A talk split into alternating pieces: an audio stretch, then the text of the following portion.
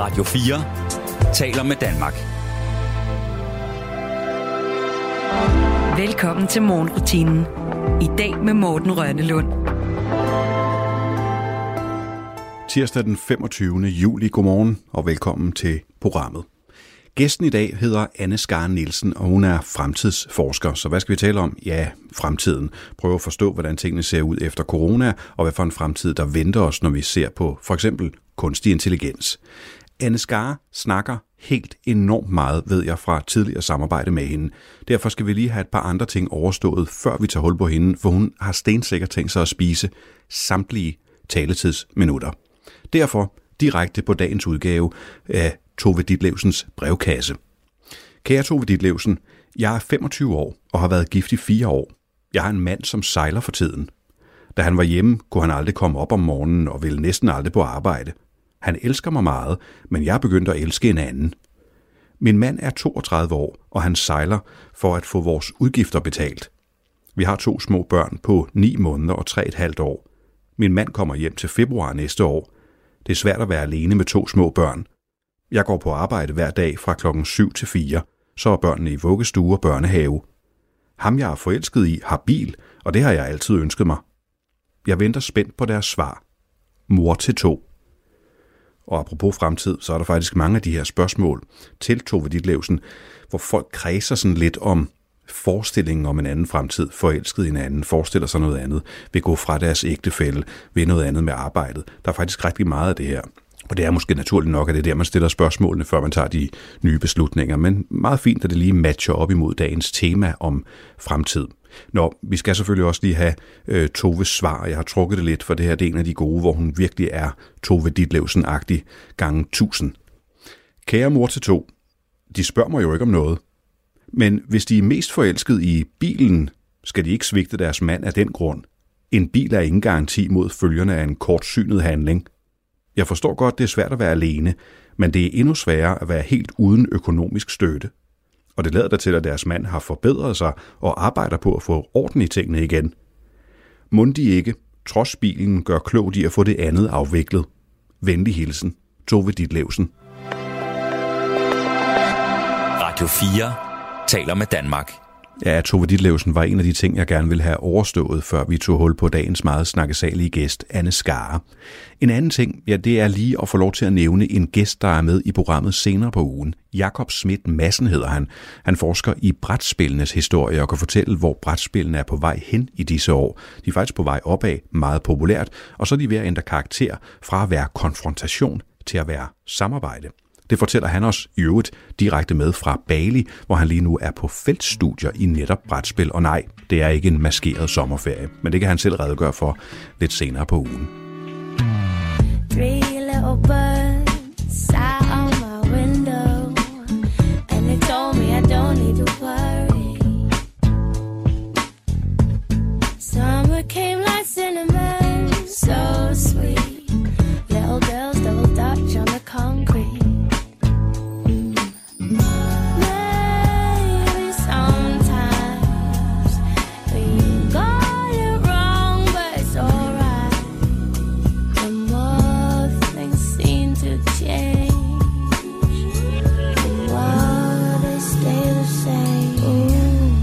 you hesitate.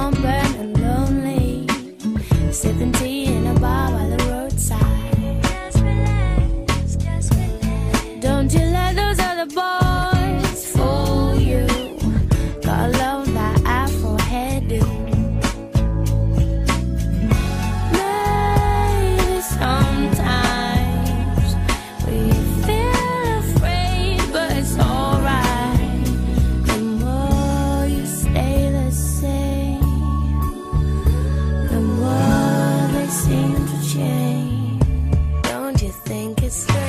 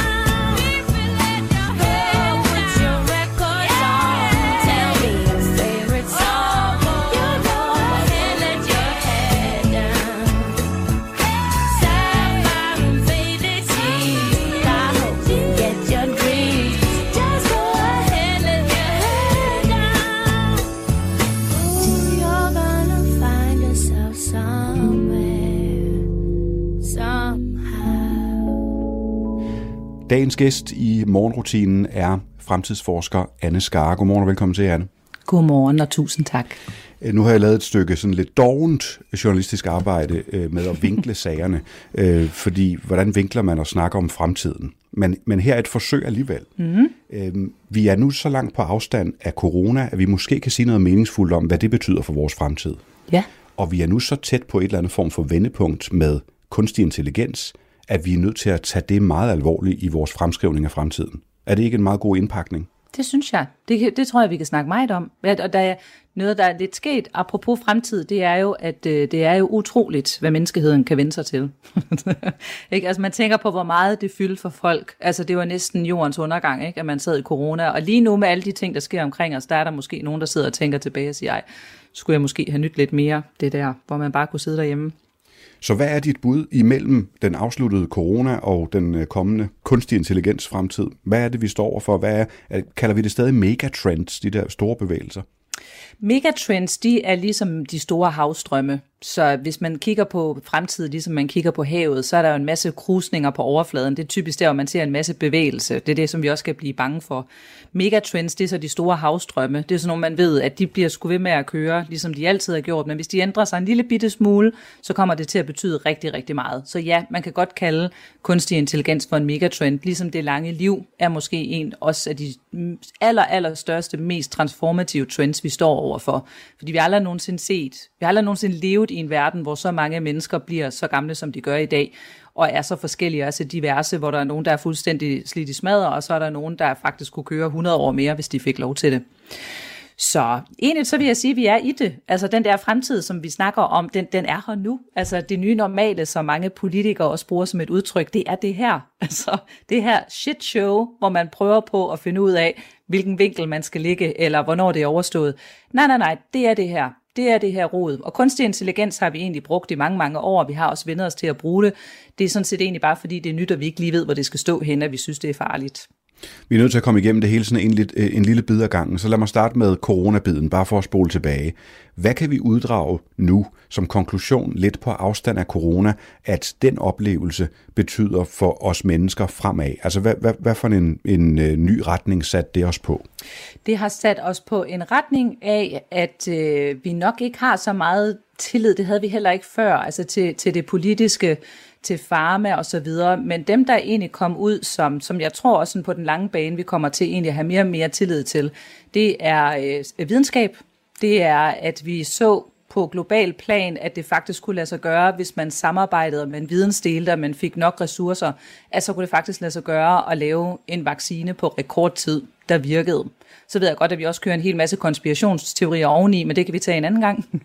men jeg ved, så når man kigger på dem, som, som, som på mange måder egentlig er dem, som ændrer verden, altså dem, der er lidt kedelige, dem, der er kulturbærere, dem, som, som mærker efter, hvad fremtiden er, som træffer nogle lidt mere, kan man sige, sådan eftertænksomme beslutninger, og dem, som også tænker langsigtet, så, så er man egentlig meget imponeret over, at det kunne lade sig gøre. Så, ved, så sidder man og snakker om, kan vide, om vi også skulle gøre det med klima, kan vide, om vi også skulle gøre det med den her psykologiske ustabilitet, som vi oplever i verden. Så jeg tror faktisk, at det kommer til at betyde, at den her evne til at samarbejde, som vi faktisk har enormt meget brug for, hvis vi skal klare os godt i den fremtid, vi er på vej ind i, og hvor det ikke bare skal være dem, som har det godt i forvejen, der får det bedre. Jeg tror, at der er rigtig mange mennesker, som drømmer om, at vi kan lave noget, hvor vi opfører os lidt mere ordentligt og har et bredere værdisæt. Det ser vi som en kæmpe stor længsel i fremtiden. Og så har det jo selvfølgelig også betydet, at folk prøvede at blive slået hjem i Ludo og sidde derhjemme og ikke kunne komme ud på spillebrættet, og så fandt ud af, hmm, okay, man kan faktisk godt sidde ude ved Vestkysten og arbejde, selvom man tidligere der skulle pille ind til København.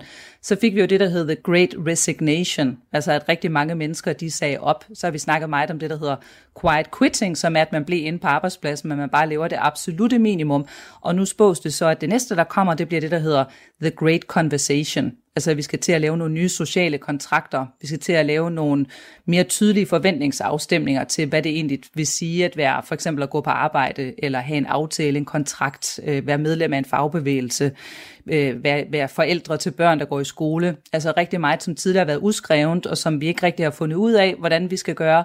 Det tror jeg, det har givet sådan et kæmpe, vi plejer at kalde det et los in os, og i disse MeToo-tider kalder vi det også gerne et lossifis, hvis der er nogen, der har brug for det. Men det, det har nok været sådan et stort wake-up call for folk, at det her med, at noget af det, som man var allermest bange for, når man så stod i det, så var det måske ikke så farligt endda, og så drømmer folk jo rigtig meget om fleksibilitet og det gode liv, og egentlig bare være gode mennesker, der kan gå i seng om aftenen, uden at have dårlig samvittighed over at være i live. Vi graver os yderligere ned i det sammen med fremtidsforsker Anne Skar lige om et øjeblik. Og her er en lille bonus til lytterne. Da jeg skrev mails frem og tilbage med Anne om at uh, line op til det her interviews, der i modsætning til, hvor mange ord hun har brugt lige nu, brugte hun syv. På tværs af tre mails tog det hende øh, syv ord, kun syv ord, og, øh, at sige ja. Men vi får altså flere her i øh, interviewet, og tak for det, Anne. Vi øh, fortsætter snakken lige om et øjeblik. Birds flying high, you know how I feel. Sun in the sky, you know how I feel. Breeze drifting on by, you know how I feel. It's a new dawn, it's a new day. It's a new life for me, yeah. It's a new dawn, it's a new day. It's a new life for me. Ooh, ooh, ooh. And I'm feeling good.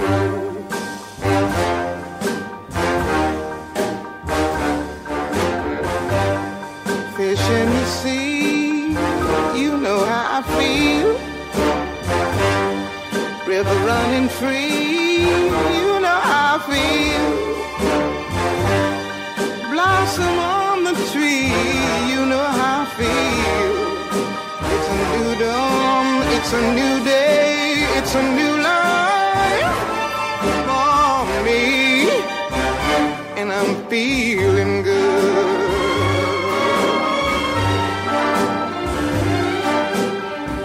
Dragonfly out in the sun, you know what I mean, don't you know? Butterflies all having fun, you know what I mean. Sleep in peace when day is done, that's what I mean. And this old world is a new world and a bold world for me.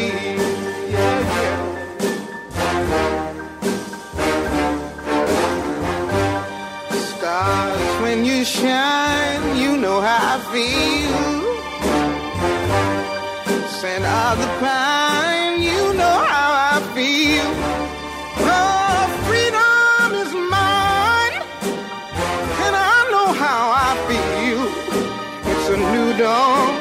it's a new day, it's a new life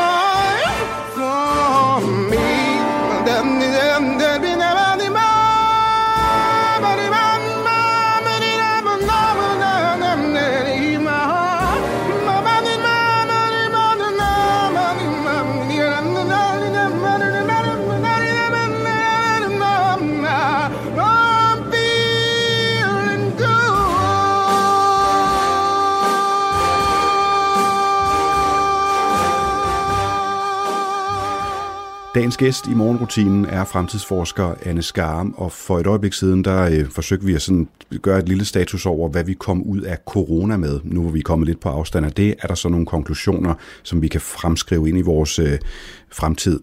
Og, og Anne Skar, en af de ting, du sagde, det er, at vi har i hvert fald opdaget noget med det store samarbejde på tværs, er der en værdi i. Og så bliver jeg straks sådan lidt sortseer, fordi hver eneste gang man opdager noget, der er en reel værdi i, så kommer der folk med penge og udnytter det først. ja, Jamen, det er da rigtigt.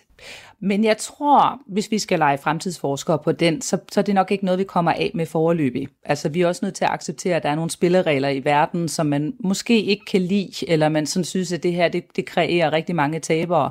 Men hvis man så kæmper imod det, altså for eksempel kæmper imod det kommercielle, eller kæmper imod kapitalisme, oh, det, er, det har bare vist sig på verdensplan at være en af de stærkeste drivkræfter overhovedet. Jeg tror, det bliver rigtig, rigtig svært at lave om på. Det kan godt være, det kan lade sig gøre. Altså, jeg har egentlig mere valgt at sige, hvordan kan man så dreje, udnytte eller vinkle det kommercielle, sådan at det bliver til flertallets gode. Jeg tror for eksempel, at vi om slag på tasken, måske bare om 10 år, så må du ringe til mig igen. Der tror jeg, at det er blevet meget mere udbredt, at man som for eksempel virksomhed skal aflevere et øh, meget bredere regnskab, end det, som man gør i dag.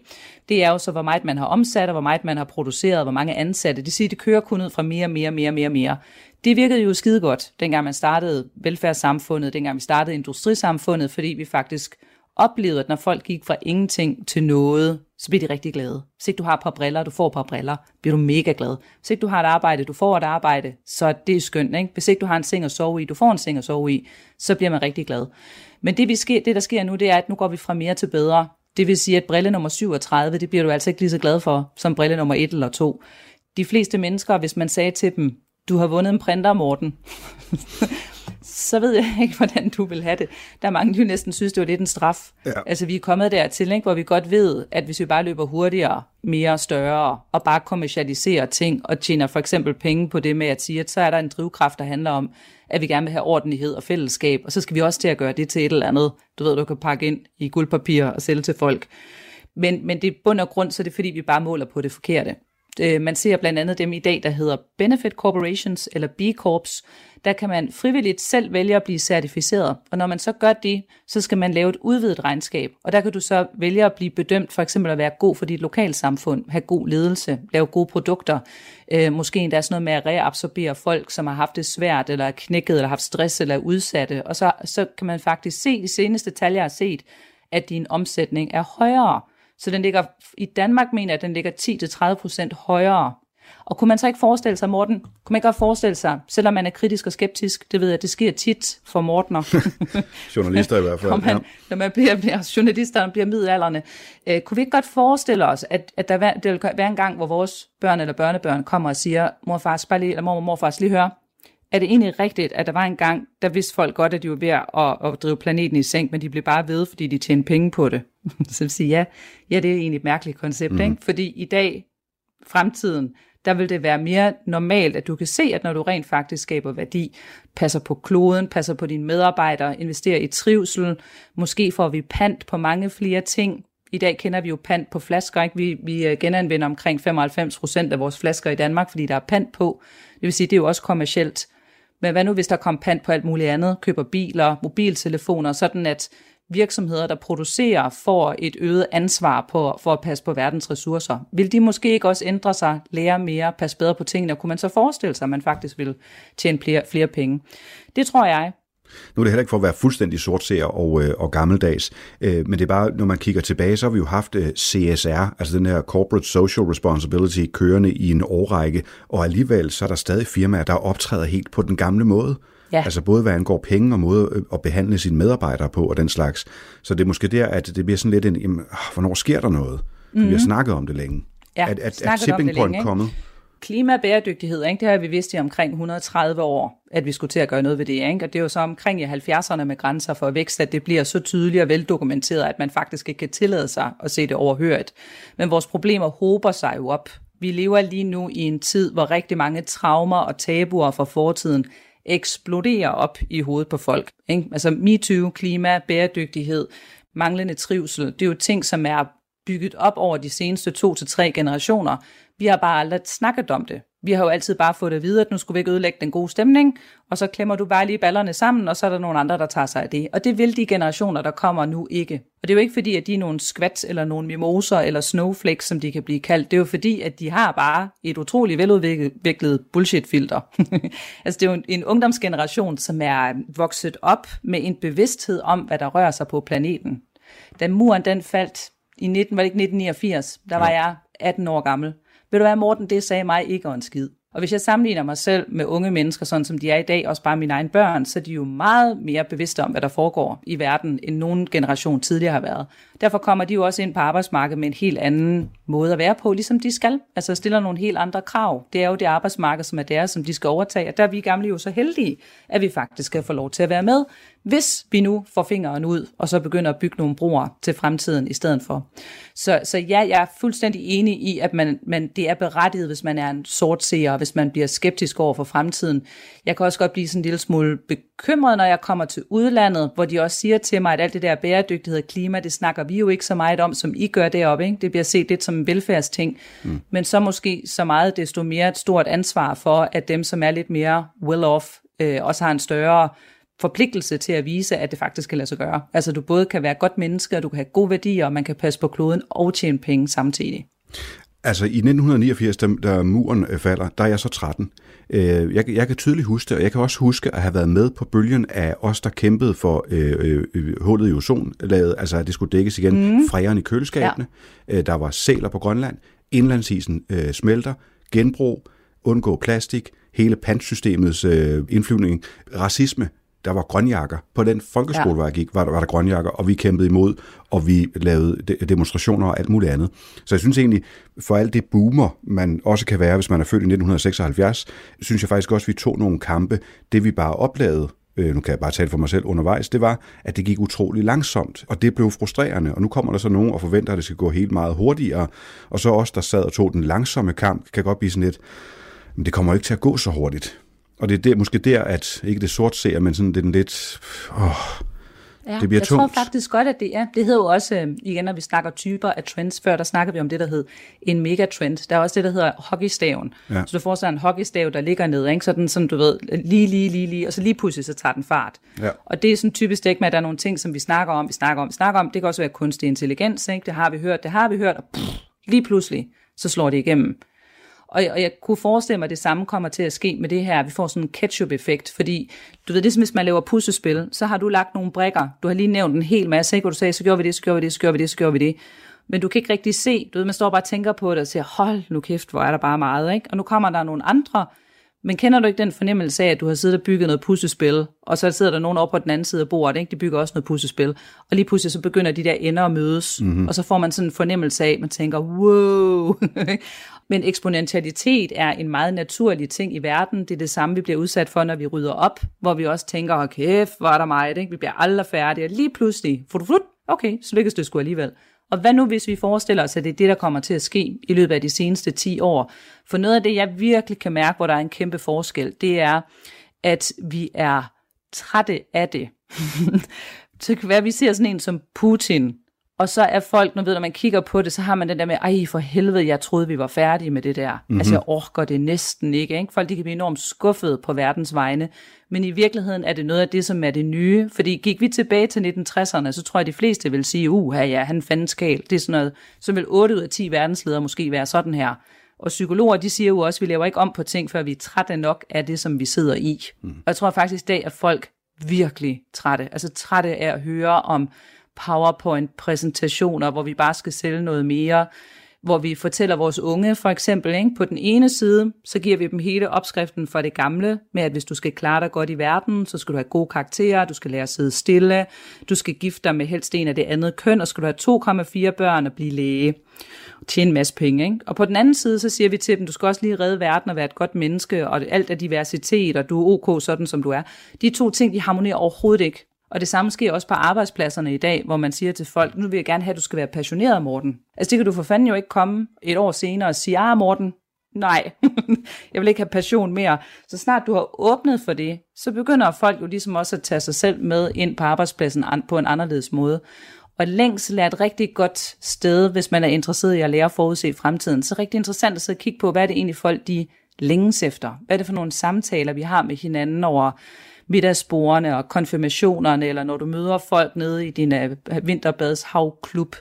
Øh, fordi jeg tror, det, er det er de, de fleste mennesker længes efter i dag. Det er jo egentlig det, som du også snakker om, Morten. Ikke? Det her med, hvorfor kunne det ikke bare gå lidt hurtigere? Ja, og vi snakker videre lige om et øjeblik om det der mellem generationerne. Dagens gæst, Anne Skar Nielsen, fremtidsforsker.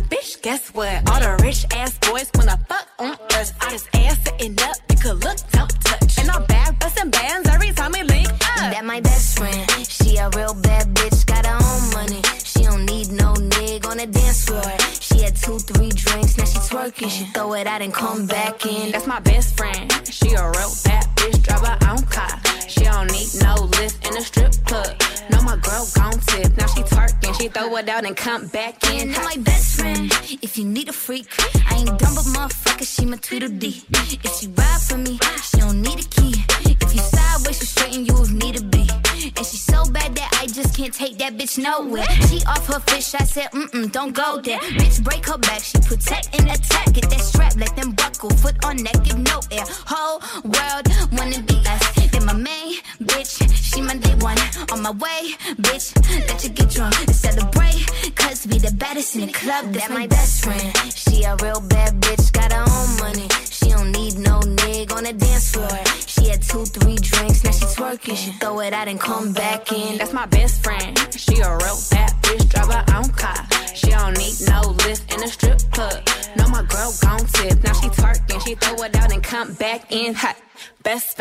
the baddest and you know it. Uh oh, girl, I think our booty growing. Fuck it up in the mirror, hit them poses.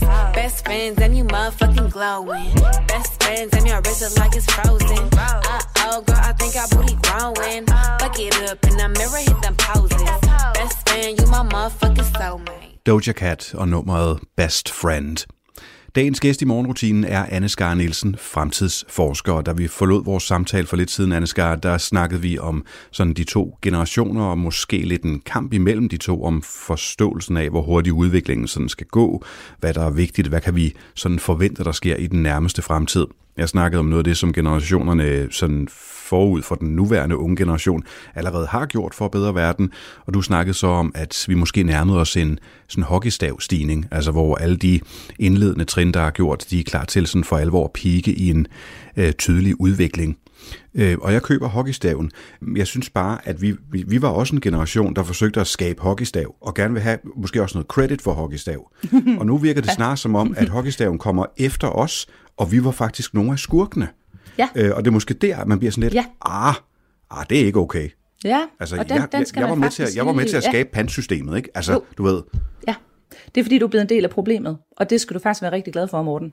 okay. Øh, hvis du har set Batman, så er der, jeg tror det er Batmans øh, butler, Alfred, der siger til Batman, at enten så dør du som en held, eller også så lever du længe nok til at se dig selv øh, become the villain, altså at blive, blive skurken. Oh, ja. Og det skal vi faktisk være glade for, fordi det giver os en mulighed for at genopfinde os selv. Jeg kan ikke lige huske, hvilken amerikansk præsident, der engang sagde, at der er ingen grænser for, hvad du kan udrette, hvis du er ligeglad med, hvem der får æren. Og øh, vi er måske sådan lidt nogen, der tænker, ah, kunne man da ikke lige, lige få lidt credit for, hvad det er, man har udrettet? Men det har jeg med med brugt mange gange. Mm. Og jeg synes selv, jeg er blevet sådan lidt for egoagtigt, ikke? Det der mig, mig, mm. som jo typisk også er det, som vi klandrer de yngre generationer for at være. Og så siger jeg til mig selv, okay, hvad nu hvis ikke det er det, det handler om? Altså, hvad nu hvis, Morten, at du og jeg rent faktisk ikke når det? Nu er du yngre end mig, det kan være, at du når det. Men, men hvad nu, hvis det slet ikke er vores opgave at lave alle løsningerne? Hvad nu, hvis vi bare skal skabe puslespilsbrikkerne, og så skal vi lave en ny spillebane, sådan at de unge kan få lov til at komme til? Og det vil jeg synes er okay, og det er jo ikke fordi det hele skal handle om mig, eller jeg vil, nødvendigvis vil have credit, selvom jeg sagde det i en sætning for lidt siden. Måske er det mere følelsen af, at det virker som om, at i nogle diskussioner er der slet ikke lagt nogen brækker. Det er først noget, der begynder nu, og det passer jo ikke. Det er fuldstændig rigtigt. Og du har også gjort det rigtig godt, Morten. Jeg Tak. ved, man skal huske at Tak. rose, rose mænd. Det er godt lide det. ja, men det er også fordi det med, at, at spillets regler har ændret sig. Ja. Jeg kan jeg give dig en ret god metafor for det, som jeg, som jeg selv holder rigtig meget af. Og det er, at i 1969, der ændrede de kørselsretning i Sverige. Så i lidt før 1969, der kørte svenskerne i det, som vi vil kalde den forkerte side af vejen. Men den kørte de i glædeligt indtil 1969, indtil de så skiftede over, og så kører de nu i det, der hedder den rigtige side af vejen, altså den samme side, som den vi kører i. Men hvis du nu forestiller dig, Morten, at du bor i Sverige i 1969, ude på landet, og du skal ud og køre, og du har ikke fået det at vide. Hvordan vil det være? Ja, så bliver, det bliver en stram omgang, og jeg kommer galt afsted. Hvad, hvad vil du tænke, Eller- når du kører ud på vejen? Jamen, jamen, jamen, jamen, I de første fire sekunder, måske er det det, du sigter efter, i de første fire sekunder tænker jeg, hvor er de dog alle sammen bimrende sindssyge. Ja. De de gør det alle sammen forkert. Ja. Så det er simpelthen ikke gået op for dig, det er dig, Nej. der er spøgelsesbilisten, vel? Nej, præcis. Det er simpelthen alle de andre er en røvhuller. Ja. Og det er sådan et meget godt tegn, det er også noget, vi bruger, når vi underviser i fremtidsforskning, det er, hvis alt og alting er irriterende.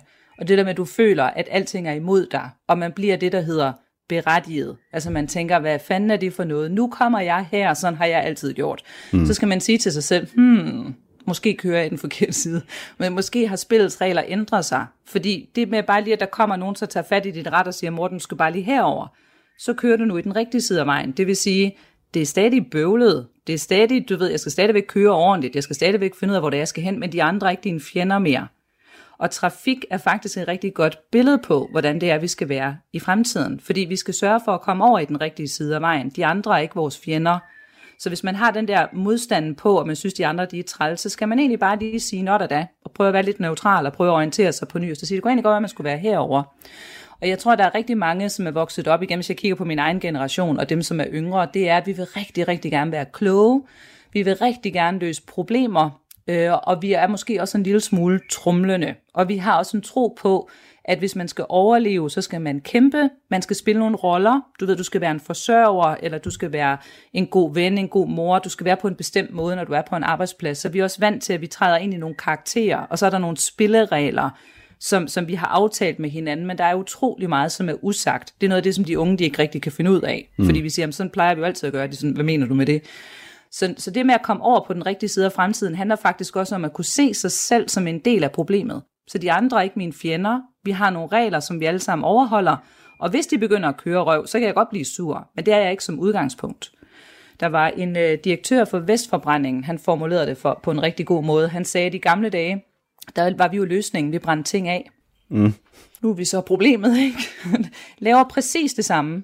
Laver præcis det samme, ikke? Men nu er vi problemet. Og det, det, der så sker for os, det er, at vi får dårlig samvittighed, vi får sådan en skyldsfølelse, og fordi vi kan ikke lide at være en del af problemet. Men det er faktisk det, man så skal møde, den der med at sige, okay, nu får jeg ligesom den der skyld. Det er også det, der er sket i mediebranchen, det er, hey, det har da været helt okay at græmse på praktikanter. Eller i fagbevægelsen, ikke? hvor vi også har haft øh, hændelser, hvor, hvor topchefer er faldet med dilleren forrest ind i tre forskellige kvinder og var nødt til at lave en familie med dem. Upsi daisy. Ikke? Og så siger man, sådan har vi jo altid gjort. Men lige pludselig er det bare dig, der er klovnen. Ikke? Lige pludselig er det dig, der er spøgelsesbilisten. Og så bliver man ramt af den der skyldsfølelse, og man vil sige sådan noget med, at det var jo en anden tid. Så siger jeg, ja, det var en anden tid, og reglerne har ændret sig. Og det eneste, du skal gøre, det er at erkende det, og måske skal du så sige det ord, som er så svært at sige, det er undskyld. Undskyld. Undskyld, jeg var spøgelsesbilisten. Jeg vidste faktisk ikke. Tusind tak, fordi I hjælper mig med at komme over på den rigtige side. Fordi det alle de unge vil, det er, at de vil være venner. De vil være allierede. De vil være øh, Frodo og Gandalf og du ved Aragorn og Galadriel i Ringenes Herre. De vil gerne have, at du kommer som mystiske Morten du ved, og giver den gas i fællesskabet, fordi for dem bliver arbejde meget mere en quest.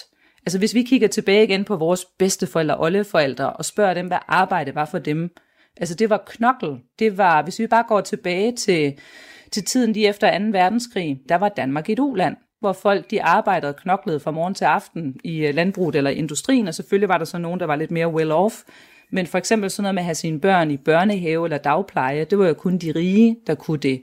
Så det er med, at vi får hele den her bølge med velfærdssamfund og overskud. Selvfølgelig har folk jo også haft det sådan, at de tænker, kæft, det er nice, mand. Ikke? Så arbejde bliver jo også noget, som du så gerne vil slippe for, fordi arbejde det er hårdt, så jeg vil gerne holde ferie, jeg vil gerne have gode løn- og tidaftaler, jeg skal også have weekend. Når du holder fri, så er det typisk sådan noget med, at du flygter fra dig selv. Du opfører dig egentlig lidt som den værste udgave af dig selv, ikke? med at ligge nede på Tormolinos og spise pomfritter smurt ind i kokosolie, mens man drikker vin og, og ridser sit navn på Colosseum, eller slaver. altså, man bliver sådan lidt en klaphat, når man bliver en, turist. Men det vi ser i fremtiden, det er, at når man holder fri, så, så har du ikke behov for at flygte fra dig selv. Du har egentlig mere brug for at komme tættere på dig selv. Arbejde ikke på samme måde hårdt, som det var i gamle dage. Det er mere svært. Og det vil sige, at jeg har ikke brug for at tage mig sammen og spille en rolle. Jeg har brug for at bringe mig selv ind i et rum, hvor der er en psykologisk tryghed, sådan at det er okay at sige, at der er noget, jeg har gjort forkert. Det er okay at sige, at der er noget, jeg ikke kan finde ud af, fordi hvor fanden skulle vi ellers være her? Hvis vi kunne finde ud af det fra start, kunne vi have fået en algoritme eller en robot til at lave det. Så de arbejdspladser, der kan skabe den psykologiske tryghed i fremtiden, hvor man kan få lov til at komme med alt det, der er dig, og du kan se på de problemer, du løser, at det godt være, at vi ikke ved, hvordan det er, vi skal gøre det fra start, men tænk nu, hvis alle kom med den intention, du lige har nævnt, Morten, ikke? med, det går fandme for langsomt, det her. Ja. Og vi har lige set under corona, som var det, vi nævnte lidt før, at vi faktisk kunne på videnskabelig plan, ikke? på global plan, lave en vaccine på rekordtid, når vi arbejder sammen.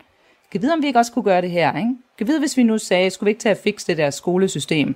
Hvis vi nu alle sammen tager sammen, så det bliver et sted, hvor børn de har det godt og trives, og lærerne ikke har de samme typer problemer. Lad os nu sige, at vi gik all in på det kunne vi så måske ikke gøre det. Men-. Og det kræver så netop også det med, at vi har nogle omgivelser, hvor vi ikke er hinandens fjender, og hvor man skaber kunstige konflikter, som vi jo typisk også ser rigtig meget, ikke, når fagbevægelsen kommer til. Det er, vi er simpelthen så pisse gode til at lave konflikt med alle de andre idioter ude på vejen. Men ja, hvad nu hvis ikke det er det, vi skal? Men hvad nu hvis vi skal os- til at samkøre? Anne Skar, du kan virkelig bruge mange ord, og- og jeg, lytterne skal også vide, hvem du er. Du har sagt mit navn flere gange, jeg kan nå at sige dit. Så fremtidsforsker Anne Skar, vi snakker videre med et øjeblik, og så lad os gå videre af det der spor med, øh, hvis nu vi har kastet os selv lidt øh, tilbage under bussen, hvad ved jeg, øh, lidt ud i, i fortiden, hvad er det så for en ungdom, der tegner sig? Du sagde lidt af det her, men lad os lige prøve at tage nogle flere detaljer lige om et øh, øjeblik.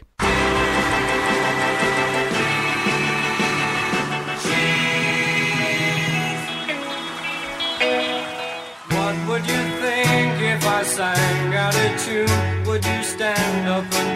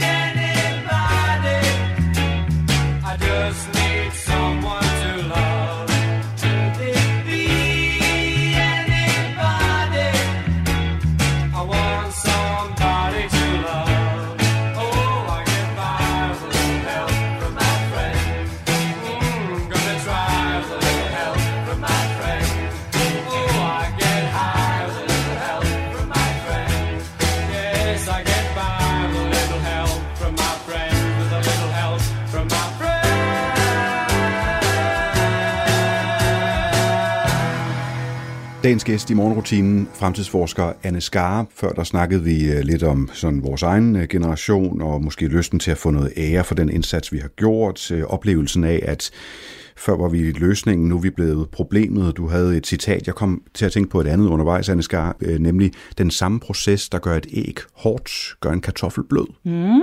Kogning. Så det der billede med, at den samme ting pludselig er problemet og ikke løsningen osv., ja. den, den resonerer i hvert fald. Det er sjovt. Ja. Men, men lad os tale videre om øh, den der unge generation og deres øh, forventninger. Hvis jeg snakker med især min mellemste datter, som er i begyndelsen af 20'erne, og snakker om det der med at yde før nyde, altså så går man på arbejde, for så kan man nemlig skaffe sig nogle penge og få fri, øh, så er, kan jeg tydeligt høre på hende, at det ikke er fordi, at hun vil nyde, før hun skal yde. Hun er sådan set klar til at yde. Det skal bare foregå en til en samtidig i et eller andet form for spil. Mm. Er det den bevægelse, du prøvede at snakke om før, med at det hele skulle være sådan lidt mere integreret, og det er også øh, gamle narhoveder, der er sådan lidt for meget, åh, så nu bliver det snart weekend, og torsdag er lille fredag, og du ved, den der indstilling. Ja. Ja. Jamen, det er det. Ja. Det er det. Og jeg tror også, altså jeg kunne virkelig godt tænke mig, hvis vi tog alder- og fødselsattest ud af det. For jeg tror faktisk, der er rigtig mange unge, der opfører sig lidt som om de er boomer, så man kan også møde folk, der er 60, som er simpelthen så meget til fælles mm. med de unge. Øh, men ja, altså, og hvis man, man tænker på teknologi, hvad det er for en teknologi, som man er vokset op med, så har den jo påvirket ens måde at lære på, og hvad for nogle samtaler man har haft, og hvad for nogle mønstre man har haft i sin omgangskreds. Altså radioen var jo et kæmpe gennembrud, dengang den kom, og jeg tror, de fleste af os skal godt genkalder sådan et sort-hvidt foto, hvor familien mødes omkring radioen, hvor de så sidder og lytter til mennesker, der taler andægtigt. Så kommer tv'et, det var også kæmpe stort, ikke? Også der er sådan nogle gamle nogen, Morten, ikke? Vi kan jo mm. huske, hvor stort det var, dengang der ja. kom en ekstra kanal. Præcis. Det var jo mindblowing. Men vi er jo også, Morten her, ikke? vi er jo vokset op øh, faktisk som de første, der bliver sådan lidt nogle teknologiske hacker og samplere, fordi vi sad og lavede mixtape, og vi sad og øh, spillede computerspil, hvor vi havde sådan en lille båndoptager, ikke? hvor man spolede frem og tilbage, og hvor vi kopierede fra hinanden og lånte fra hinanden. Vi er den første generation, der har teknologien med i lommen mm-hmm. i form af en Walkman. Og det har bare skabt os en helt anden måde at interagere med teknologi på. Hvor at den ældre skole, der er man mere observatører. Man er statister. Man kigger på det, og så har man sådan en forståelse af inde i sig selv, at hvis jeg har set nyhederne, eller hvis jeg har læst avisen, eller hvis jeg har set deadline, så har jeg gjort min borgerpligt, så er der sket noget. Så er der styr på sagerne. Øh, folk ældre end os tror på, at der findes en virkelighed. Og der er jeg ked af at sige det, men den er aflyst. Altså, der findes ikke nogen virkelighed længere. Den er du nødt til at forklare. Hvorfor ikke det? Hvis man nu for eksempel går på nettet, og så googler man billedet af Tom Cruise og hans stuntman, og så kan man se sådan et billede, hvor der står tre Tom Cruiser med hvide skjorter på, og man bliver simpelthen så meget i tvivl, om det der det er et billede, der er genereret i den algoritme, der hedder Midjourney, eller om det rent faktisk er et rigtigt billede. Mm. Og når jeg sidder og kigger på det, så sidder jeg og tænker, ej, det der det er billede, det er mit journey. Og så kigger jeg lidt mere på det, så tænker jeg, nej, fordi det der, det der Tom Cruise, nej, det er det faktisk ikke. Er det der så? Det er simpelthen sådan et mærkeligt billede. Det er virkelig et, der sådan, det får din hjerne til at gå. Men det, der er mest interessant ved det billede, det er jo så, at folk, og, altså også i blade, magasiner og aviser, heller ikke kan blive enige om, om det er et rigtigt billede.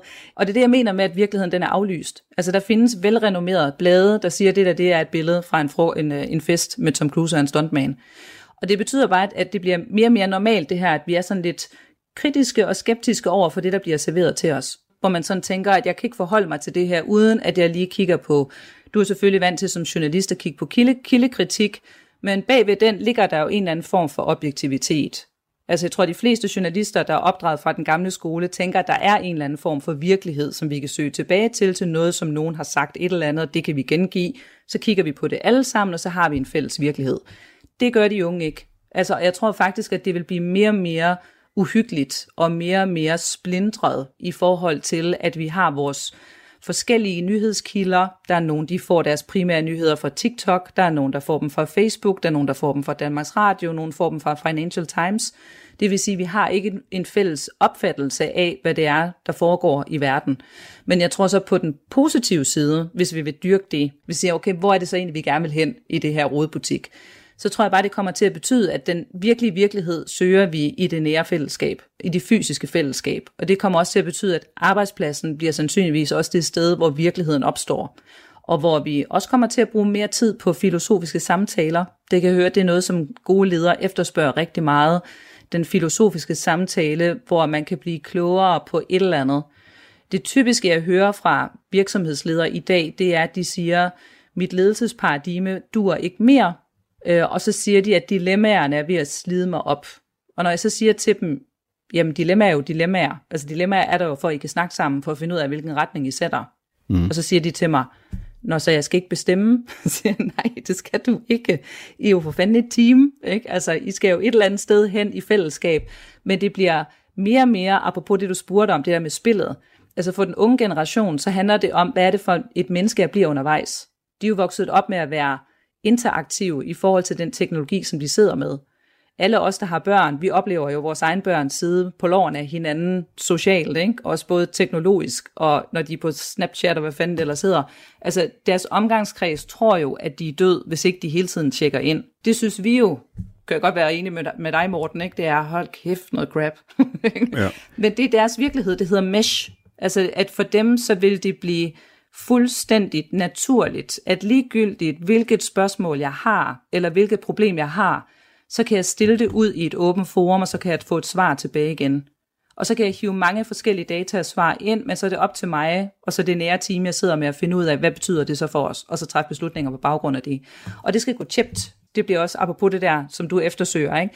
det er, at vi har jo vendet os til, at vi skal sidde sådan og kigge på, eller konsumere, og så ser vi deadline. De slutter som regel altid af med at sige, ja, det var en øh, vigtig samtale, vi havde i dag. Vi når desværre ikke mere, men tak fordi I kom ja, og hvilket jeg også kommer til at sige til dig, ikke, ikke, ikke lige om lidt, men, men alligevel på et andet tidspunkt. Men lad mig lige holde fat i en interessant ting, du sagde, at nu skal virkeligheden øh, skabes i det der nære fællesskab. Men for pokker, det var der, vi kom fra, Ja. og så skulle vi udvide vores horisont, og vi, det kunne bare ikke blive globalt nok, og prøv lige at se til Berlin, og der sker ting alle mulige steder, tage andre kulturer ind, og nu skal vi gå med tilbage i landsbyen, og sidde i landsbyen og lave virkelighed. Altså, var det ikke det helt gammeldags, som vi skulle bort fra, som, som vi nu er på vej tilbage til så? Jo, det hedder først uafhængighed, og så hedder det øh, samhørighed og gensidighed.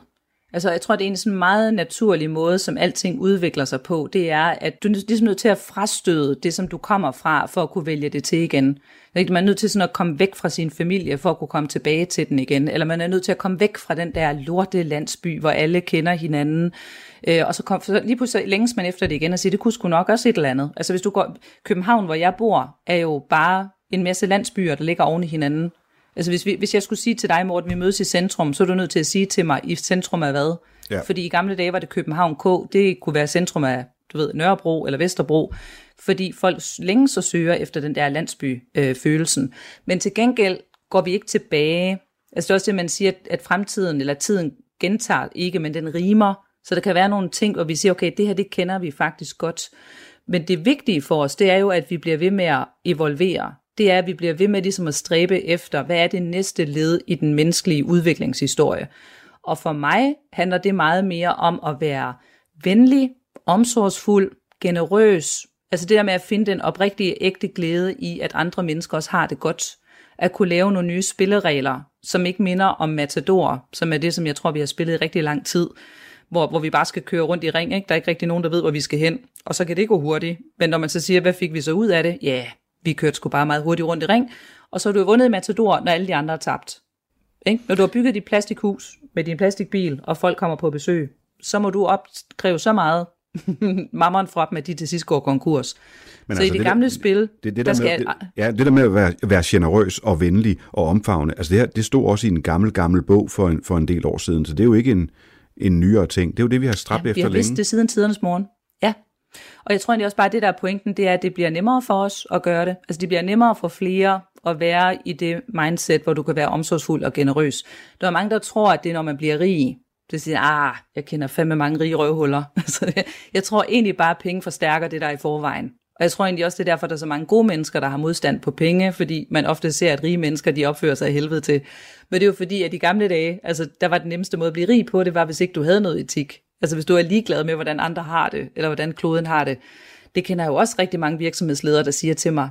Der, der for nylig er der faktisk en, der direkte har sagt til mig, at jeg er den eneste i min omgangskreds, der stadigvæk har en eller anden form for etik og moral tilbage.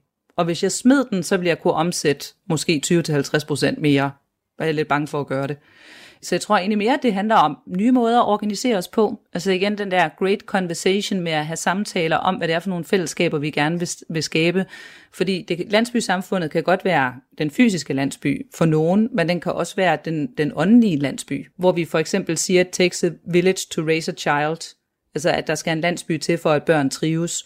Det behøver ikke at være et fysisk fællesskab. Det kan jo være et kontaktnet i samarbejde med kommune, forældre, øh, psykologer, whatever, men med det formål at få folk til at trives. Og det tror jeg virkelig, man vil have i sådan den type af landsbyer. Det vil jo være der, hvor folk får den store glæde af, at de kan se, at andre mennesker lykkes, og der er nogen, der har brug for en. Ja, men det er jo den positive udgave af de der små, øh, snævre fællesskaber, men vi har jo også set landsbyer, som er ekokamre af dumhed. Ja. Øh, vi har set landsbyer, som, som er blevet ret store og er overfaldet kongressen i USA. Ja, Altså, så der er en, en klar bagside af det der, som du der udlægger så smukt som, som fremtidens vej ind i de nære og så videre. Ja, og jeg synes jo, at det er min opgave at udlægge det så smukt.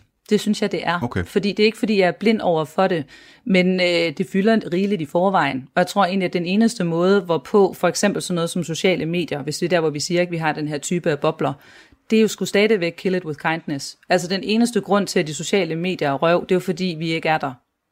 Og det er også, hvad man siger, den der, det næste, det næste level, hvis vi kigger på det ligesom et computerspil, at nu har vi spillet det, som man kan kalde for tribal mode, hvor vi kæmper mod hinanden, hvor de andre er vores fjender, hvor der ikke er nok i verden, vi er nødt til at rave til os, og hvis, der, hvis vi har noget, så vil der komme nogen og tage det fra os. Men hvis vi nu tror på, at vi kan spille, vi kalder det planetary mode i stedet for, altså at man egentlig er villig til at sige, at jeg vil godt give lidt mere af mig selv. Altså jeg tror egentlig, at du har lige så meget ret til at være her, som, som jeg har. Det kan godt være, at du tror, at jorden er flad, men altså, har du lyst til at lave et reality-program, hvor vi finder ud af, om den er? Ikke? altså det, at man i stedet for at gå i krig med folk igen, dine medtrafikanter, så siger man altså, nu kører, kører du bare derhen, hvor du gerne vil køre. For jeg tror egentlig i bund og grund, at langt, langt, langt de fleste mennesker har det til fælles, at de også bare gerne vil gå i seng om aftenen og så sige, det har været en god dag i dag, og jeg har, jeg har gjort noget godt for andre. Helt klart er der også nogen, der gerne vil fuck det op for andre. Det er der. Fremtidsforsker Anne Skare, som også er med os på den anden side af morgens første nyheder, der kommer lige om et øjeblik, når vi har hørt Pil, når du går herfra, nattely. På genhør. Ting forholder sig ikke helt som de ser ud Der er altid mere bag det har jeg godt luret Du tror jeg ikke kan se hvad der rører på sig Jeg holder om dig mens du går bag om ryggen på mig Hvor går du hen, når du går herfra? For du går jo ikke hjem, når du går herfra. Det lyder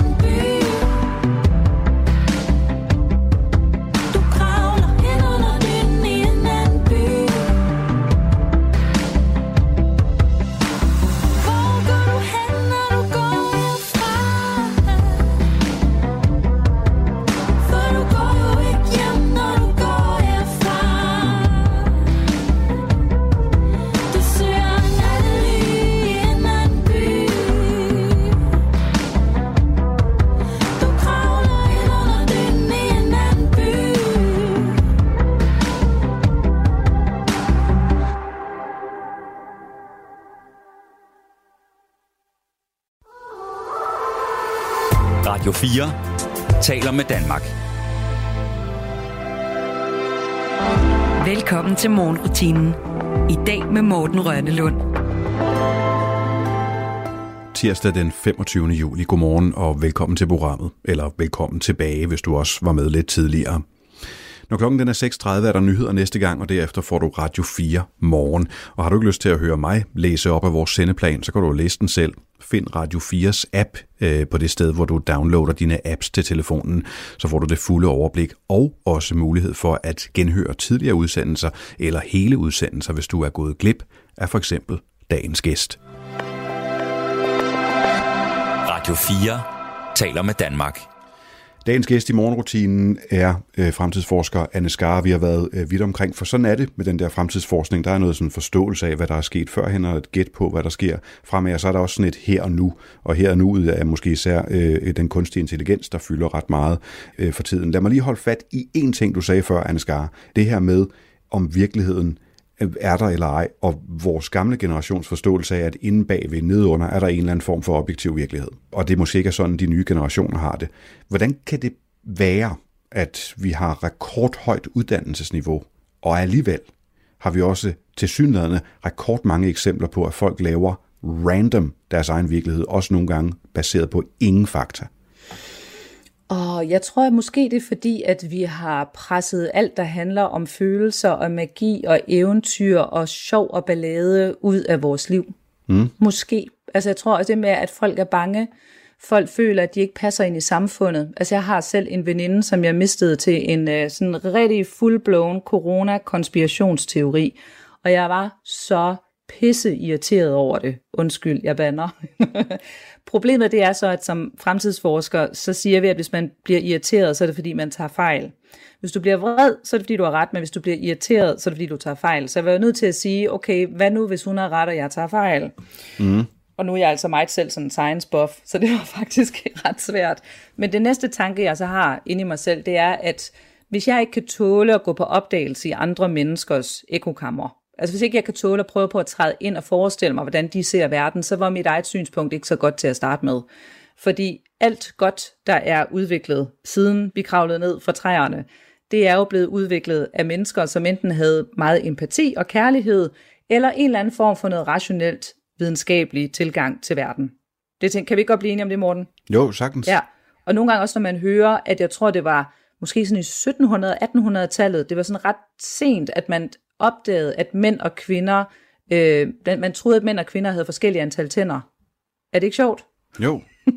ja. Uden at tjekke det. Og ja, det er der, hvor man tænker, "Hmm, kunne de da ikke bare tælle det? Mm. Så nej, det er fordi, hvis ikke du har det mindset, at du egentlig kan tælle tænder, og så sammenligne de andre, og du kan lave sådan nogle kontrolforsøg, så, så vil du tro, at, at mænd og kvinder har forskellige antal tænder. Så man troede, at mænd var født med flere tænder end kvinder.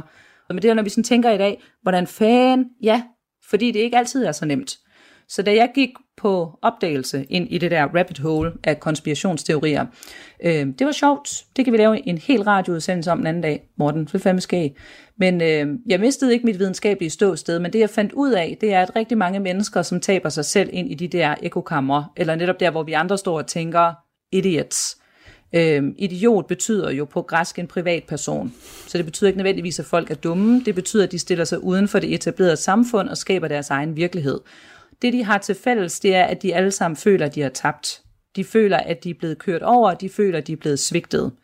Jeg troede, at hvis jeg tog den her uddannelse og gjorde sådan og sådan og sådan, så har samfundet ligesom på en eller anden måde lovet mig, at det passer på mig. Så det kan være, at det er folk, der har fået en eller anden diagnose, hvor de i sundhedssystemet aldrig nogensinde rigtigt er blevet mødt, og de har aldrig nogensinde fået det bedre. Og så er der nogen, der har sagt til dem, jamen det er højspændingsledninger. Nå, eller det kan være nogen, der er, du ved, de har haft et arbejde, så de mistede det, så de er blevet depressive, konen er skrevet, børnene gider dem ikke. Vil du ikke være med i vores klub, vi tror på, at jorden er flad, det er rigtig sjovt. Så rigtig mange af dem tror, tror ikke rigtig på det. Det, de har brug for, det er følelsen af samhørighed. Og jeg tror faktisk, hvis jeg må give sådan lidt vip også til journalistikken, jeg tror, at journalistikken har været kæmpe medskaber af det. Fordi hvis vi går sådan indtil 15 år tilbage, så var meget journalistik ret højpandet i forhold til, hvor mennesker er. Øh, der har været meget sådan også med journalistik, hvor man kiggede lidt ned på folk. Jeg kan huske, da jeg, da jeg lavede undervisningsmateriale i fremtidsjournalistik til gymnasieelever, der var der en gymnasieelev, der sagde til mig, at han ville faktisk rigtig gerne se Deadline. Han følte bare, at det var ligesom om, der havde været en eller anden test foran, foran på den, som han ikke havde fået. Så han kunne ikke rigtig følge med i, hvad det var, han sagde. Og jeg kan også huske, at jeg så nogle amerikanske programmer, det var før Donald Trump blev valgt som præsident i USA, hvor der bliver nævnt Aleppo. Og så er der en i studiet, der siger, øh, hvem er Aleppo? Mm. Og så griner de alle sammen, mm fordi det er altså en by. Øh, men de, de griner alle sammen og gør dem til grin. Jeg kunne bare mærke på mig selv, jeg sidder og tænkte, åh, oh, det der, det der, det er fandme ikke godt. Fordi jeg tror, der er rigtig, rigtig mange mennesker, der ikke ved, hvis vi skal tage det som metafor, hvad Aleppo er. Og de vil også gerne være med i samtalen. De vil også gerne føle, at de har en plads i samfundet. Og så har de jo fundet ud af, hvis jeg råber, hvis jeg, hvis jeg viser min titties, hvis jeg har en eller anden fuldstændig åndssvag teori, hvis jeg stampeder op af Capitol Hill med horn i panden, når jeg så står deroppe, så ved jeg faktisk ikke rigtigt, hvad det var, jeg skulle.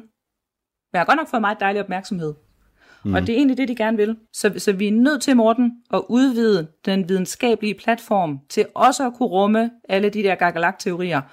Og vi er nødt til at udvide den demokratiske samtale til, at selvom du er en skrigeskænke, eller du udnævner dig selv til børnenes advokat, eller hvad fanden folk ellers skal finde på, så skal du også have lov til at være med i samtalen. Så, så det, jeg plejer at anbefale folk, det er bare at være lidt mere som turister. Fordi det hedder en futurist på, på engelsk, det jeg laver. Og så synes vi selv, det er rigtig sjovt, at en, en futurist er en turist med fut i. Så når man møder noget, eller nogen, som man ikke kender, eller ikke ved noget om, eller man måske kan blive provokeret af, så plejer vi bare at sige, hvad vil du gøre, hvis du var turist? Så vil du egentlig bare sige, nå da da, kan vide, hvad det er. Det har jeg aldrig nogensinde set før. Det tror jeg lige, jeg skal prøve at undersøge lidt nærmere. Så vil du komme igennem den med meget mere energi, end hvis du skulle reagere på alt og have en mening om alting.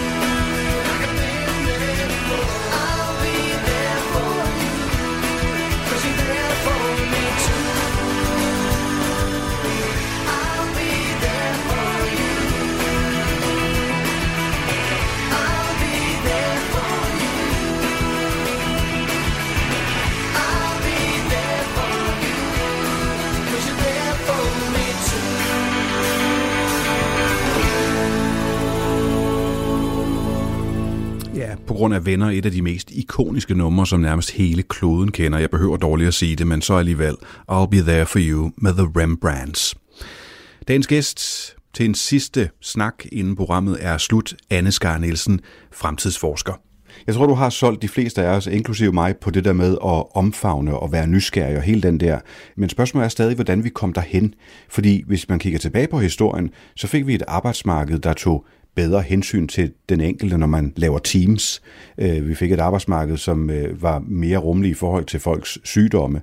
Øh, Vi fik et arbejdsmarked, hvor at chefer tager på kurser og lærer om at motivere folk og tale til deres mestring og deres følelse af mening, hvor man kommunikerer mere for, at opgaven skal være spændende. Vi har haft en kæmpe udvikling på psykologien, hvor vi har fået diagnoser, som vi snakker om, som tager skismadet og tabuet ud af en hel masse øh, ting, der før var sort og skamfuldt og alt muligt andet. Altså, vi er på en udvikling af tolerance og kramme folk og forstå mere og mere og mere. Så hvordan i himlens navn kan det der behov være blevet større? Øh, som, som, du, som du siger, at, at de her anti og lignende, det dækker over, at man vil ses. Vi, vi bliver da rekordset. Ja, det gør vi. Ja, og jeg tænker også bare det med, at man, man føler måske ikke, at man så bliver set af sig selv, tror jeg, måske. Det her det er jo sådan lidt en filosofisk samtale. Altså, hvis man nogensinde har mødt de der mennesker, ikke, der siger, åh, oh, du forstår mig ikke, Ja. så plejer jeg altid at sige, "Jamen, forstår du dig selv? Og jeg tror bare, at langt, langt de fleste mennesker i dag er sådan lidt ude at skide. Altså det her med, at den karakter, som jeg plejer at spille, den dur på en eller anden måde ikke mere. Jeg husker, jeg har set Jim Carrey, ham komikeren, han siger, at, øh, mm. at man bliver depressed, når ens karakter, altså den rolle, du har spillet og vist over for verden, ikke dur mere. Eller du er selv træt af den, eller den passer ikke med det menneske, du er længere.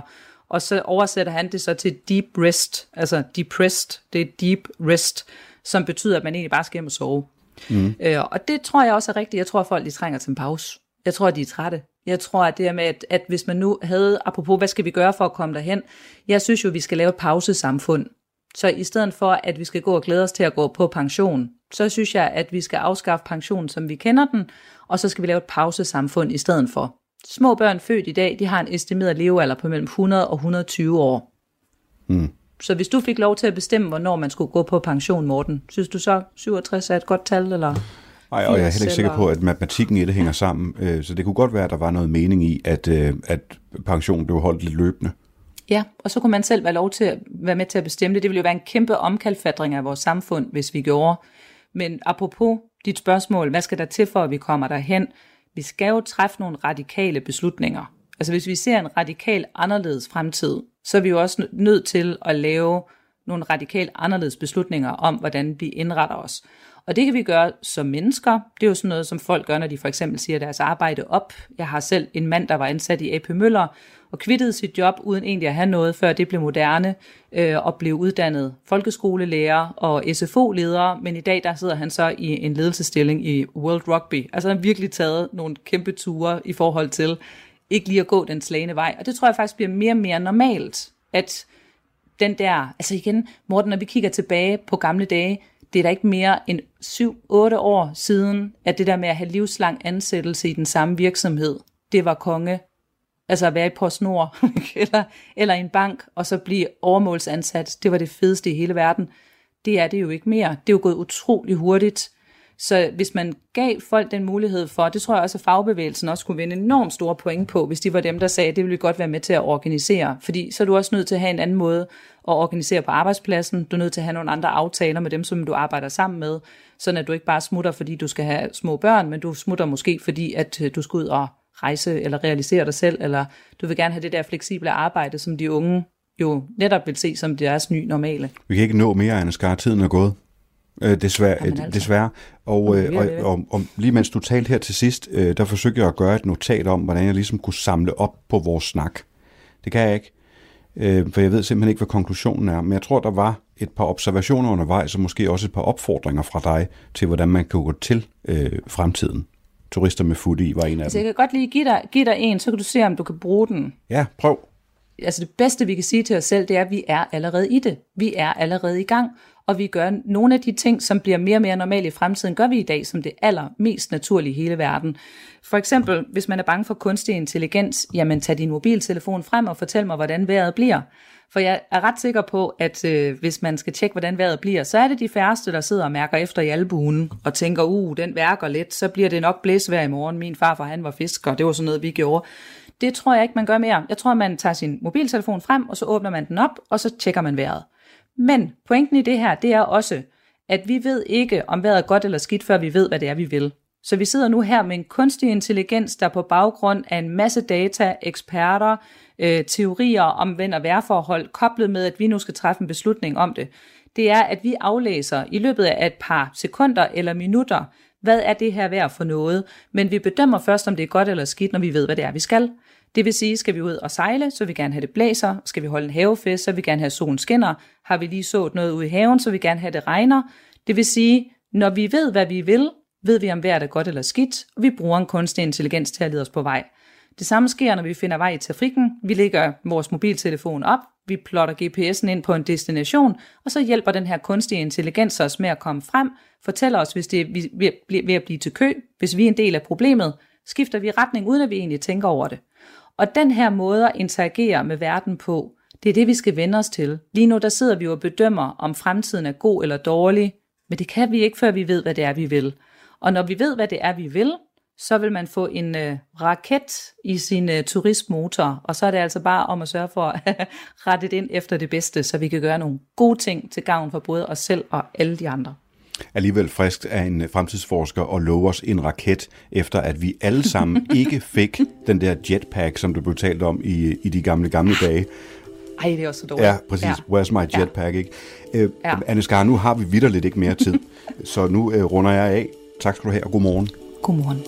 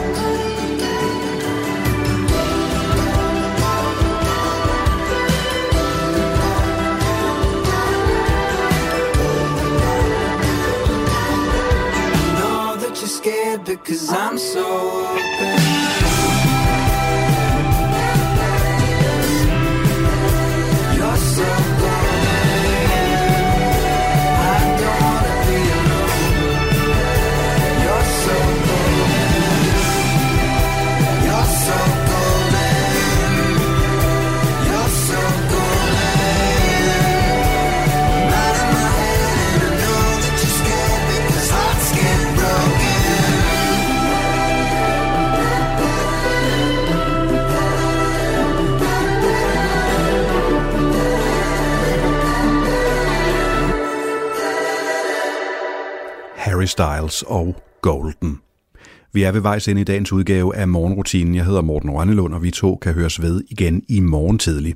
Og i morgen, der er dagens gæst Søren Simonsen. Han har den fine titel Chef de Mission. Og hvad dækker det så over? Jo, det betyder, at man er chef for hele den danske OL-lejr. Og lige præcis i morgen er der et års nedtælling til de næste olympiske lege, der foregår i Paris. Når vi snakker med Søren Simonsen, så fortæller han om forberedelserne, og de har stået på længe, længe før der nu er et år til, at det hele starter, ligesom man faktisk allerede er i gang med forberedelserne til næste næste olympiske lege. Han fortæller både om de forberedelser, hvad der foregår bag kulissen, og samler også op på det der Corona-OL, hvor han også var chef de mission. Et kaos-OL, der blev udsat, flyttet frem og tilbage og var væltet til med alle mulige restriktioner, regler og lignende. Og så også sådan nogle små finesser, som at Suezkanalen blev spærret af et stort skib på et tidspunkt undervejs. Og det er altså en af de steder, hvor man sejler sit meget grej på tværs af verden, fordi OL dengang foregik i Japan. Denne gang bliver det lidt nemmere, når man bare kan sætte en trailer på bilen og køre til Frankrig. Søren Simonsen, chef de mission, gæst i morgen. I dag slutter vi sammen med Jada og Not Alone. På genhør.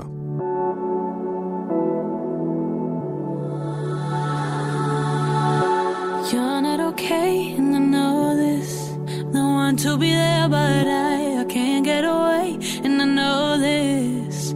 I'm so out of sight, keeps me awake, cause I know it's hard to do this on your own, and you're not okay, and I know this.